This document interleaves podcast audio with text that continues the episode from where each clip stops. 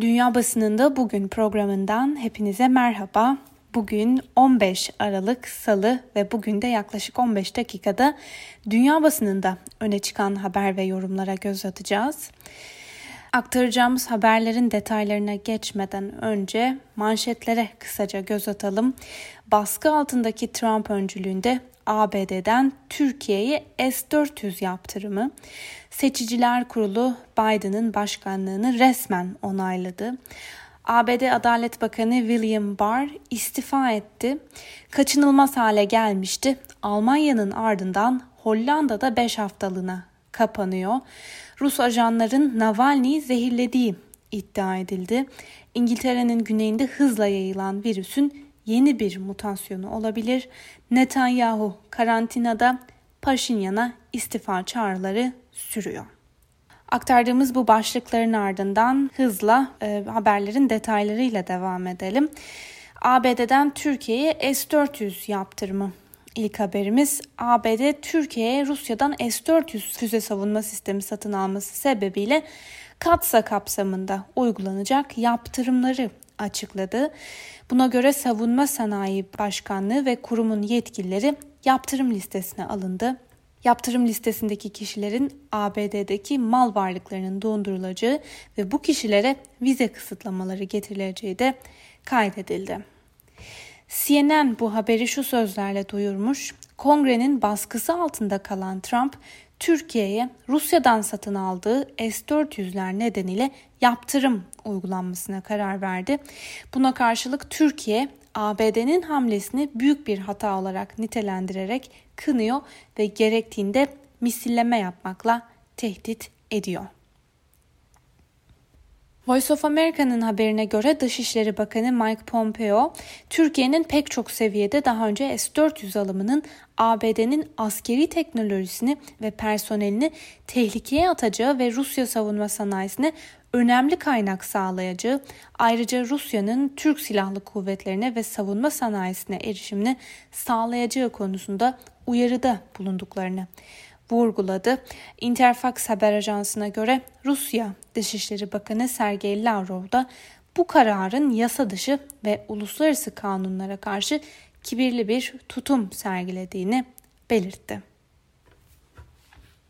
Voice of America'nın aktardığı bir diğer habere göre ABD'nin Türkiye'ye Rusya'dan S-400 füze savunma sistemi alması sebebiyle yaptırım kararı almasının ardından Amerikalı yetkililerden Türkiye başka seçenek bırakmamıştı açıklaması geldi. ABD'li yetkililer Katsa'nın e, yaptırımlarına ilişkin maddesinin Türkiye dahil ABD'nin müttefiklerinin askeri kapasitesine ya da savaşa hazırlık derecesine zarar verme amacı taşımadığını, hedefin Rusya olduğunu belirtiyorlar. Türkiye'ye uygulanacak S-400 yaptırımlarına ilişkin e, bu haberin ardından bültenimize Amerikan basınının bir numaralı gündemiyle devam edelim. Washington Post'un gündemindeki bu habere göre Seçiciler Kurulu Biden'ın başkanlığını dün resmen onayladı. Böylece Biden'ın Trump'a karşı zaferi de tescillenmiş oldu. ABD'de Seçiciler Kurulu üyeleri dün toplandı demiştik ve oylarını kullandılar. Sonucunda Joe Biden'ı Amerika'nın gelecek 4 yıl boyunca görev yapacak yeni başkanı olarak resmen onaylamış oldular. Washington Post gazetesine göre Seçiciler Kurulu'nun bu kararı sürpriz değil. Bunun üzerine dün akşam bir konuşma yapan Joe Biden sadece kendisine oy verenleri değil tüm ulusu temsil edeceğinin sözünü verdi ve New York Times ise haberi şu sözlerle duyurmuş. Trump'ın yıkmaya çalıştığı süreçte bir dönüm noktası yaşandı.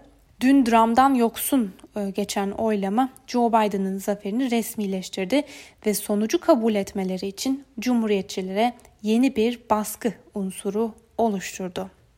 Voice of America'nın bu konuda aktardığı habere göre Seçiciler Kurulu oyları ABD'nin seçimlerinde formalite olarak görülen aşamalardan biri olsa da Trump'ın 3 Kasım seçimlerinde kilit eyaletlerde oyların sayılması sırasında usulsüzlükler yapıldığını iddia etmesi seçici kurulun e, kararını daha da önemli hale getirdi. Ve dün de aktarmıştık bir kez daha hatırlatalım. Bir adım sonra da ABD Kongresi 6 Ocak 2021'de toplanarak seçiciler kurulunda elde edilen kararı değerlendirip tescilleyecekler. Bundan sonraki adım ise Biden'ın 20 Ocak'ta ABD Kongresi'nin basamaklarında düzenlenecek yemin töreniyle başkanlık görevini resmen devralması olacak. Amerikan basınının yine en önemli gündemlerinden biriyle devam edelim.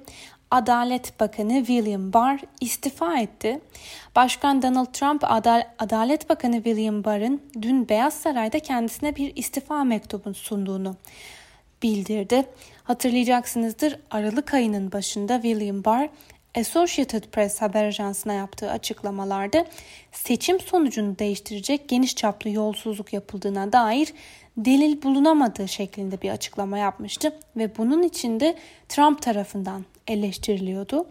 Bu yüzden zaten geçtiğimiz haftada Amerikan basınında aktardığımız haberlerde Barr'ın istifa etmesinin beklendiğini söylemiştik.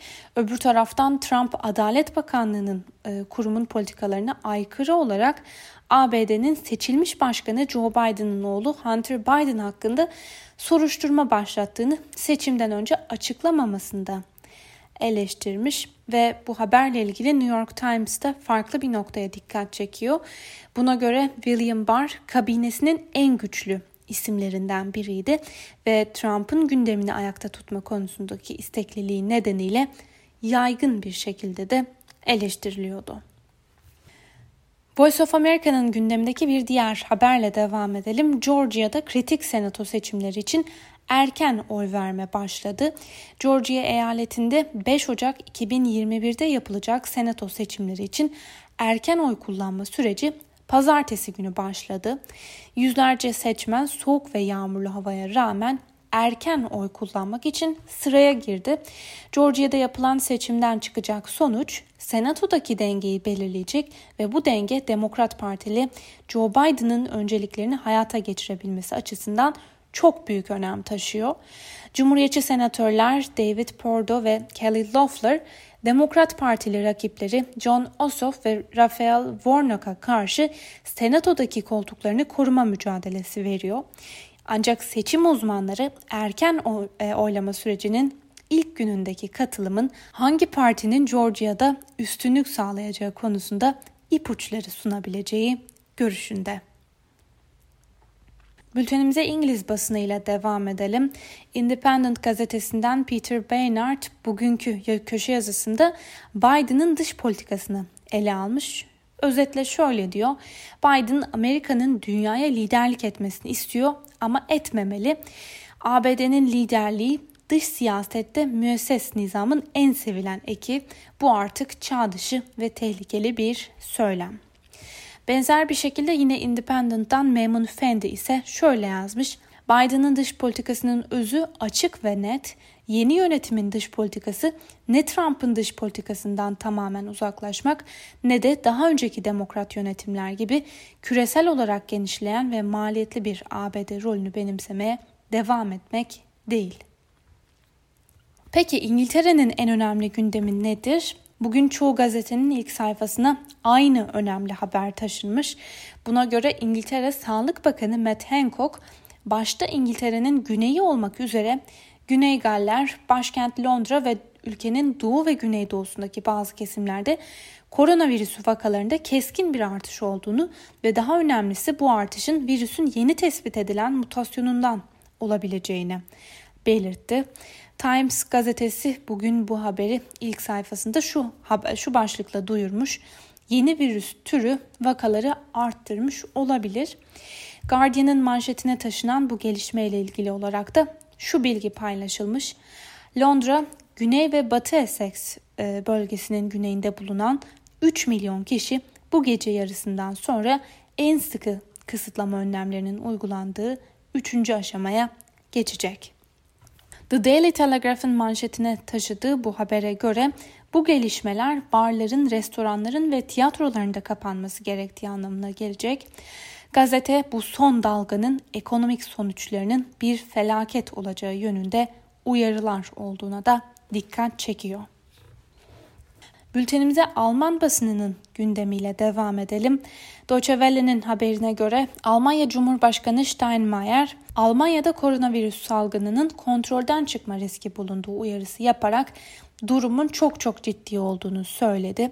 Hafta sonunda federal hükümet ve eyalet yönetimlerinin aldığı çarşamba gününden itibaren kapanmaya gidilmesi kararına destek veren Steinmeier, bir haftada binlerce kişi öldü. Ek kısıtlamalara gitmeden olmayacak. Şimdiye kadarki çabalar sonuç vermedi. Daha kararlı adımlar atmak zorundayız dedi. Steinmeier Almanya'da ilk aşı izninin bu yıl içinde çıkacağı ve aşılamalara yılın başında başlanabileceği konusunda iyimser olduğunu da belirtti.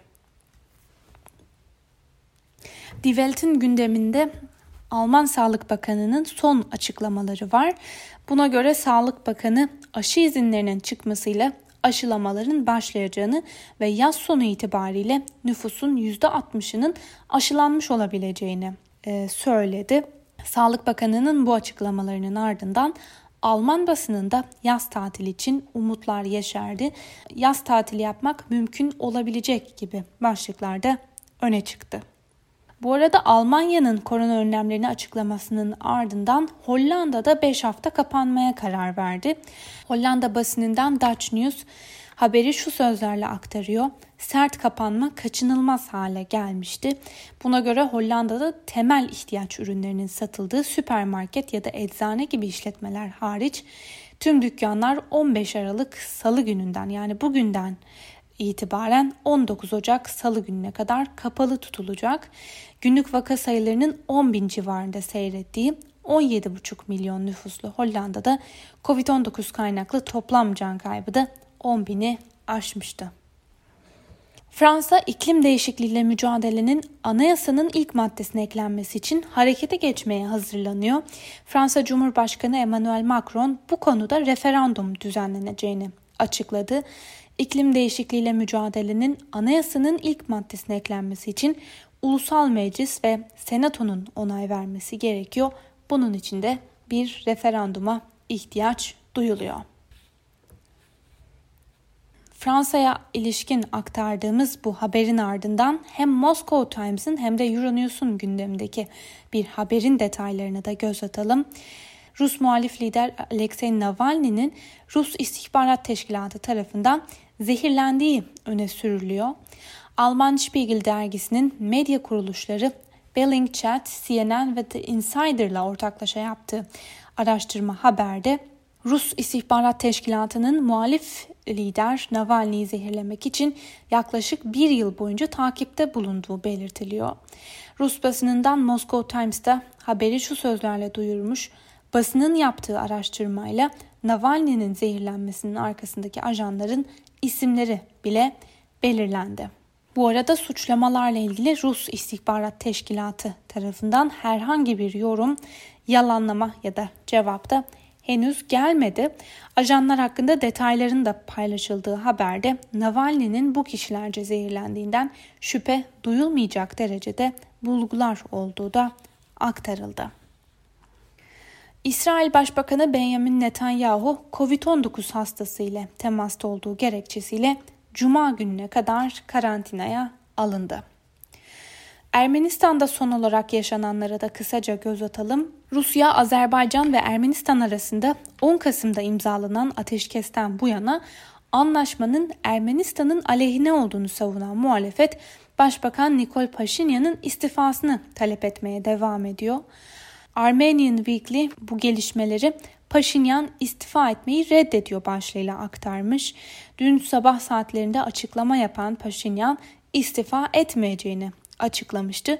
Bunun üzerine protestolar bir kez daha alevlendi ve dün akşam tekrar sokaklara dökülen binlerce kişi bir kez daha Paşinyan'ın istifasını istedi.